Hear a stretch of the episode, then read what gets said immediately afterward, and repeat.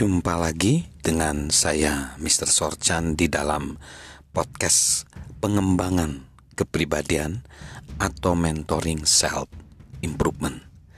Saat ini kita tiba di poin yang kedua yaitu tentang pertukaran apa yang layak kita lakukan.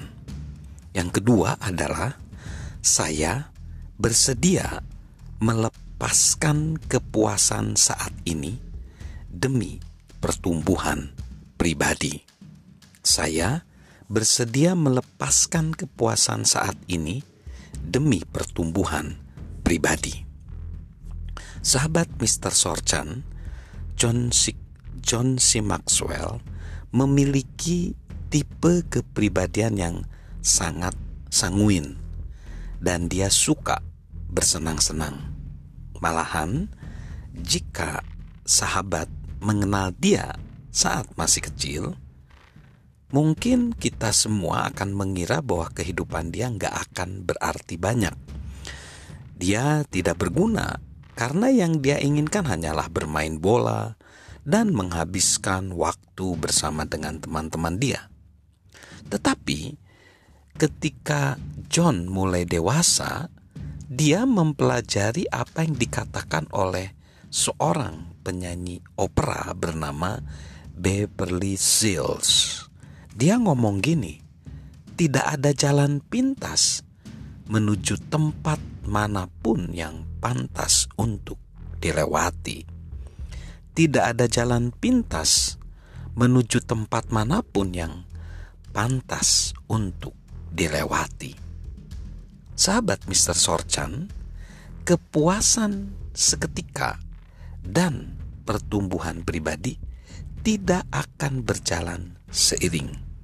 Sekali lagi, kepuasan seketika dan pertumbuhan kepribadian tidak berjalan seiring. Darren Hardy menulis di dalam bukunya The Compound Effect atau efek gabungan.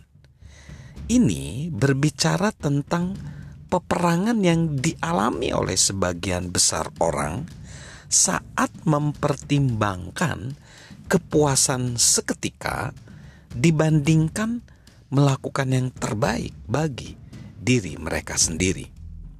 Darren Hardy ngomong gini, kita mengerti bahwa ngemil biskuit pop start tidak akan merampingkan garis pinggang kita. Kita menyadari bahwa menghabiskan tiga jam untuk menonton Dancing with the Star dan serial NCIS mengurangi waktu kita tiga jam untuk membaca buku yang bagus atau mendengarkan audio yang mengagumkan.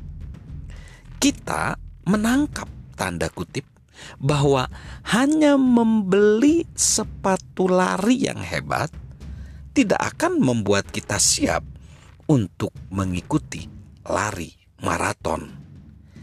Kita adalah makhluk tanda kutip rasional. Setidak-tidaknya menurut diri kita sendiri. Jadi, mengapa kita begitu diperbudak oleh banyak kebiasaan buruk?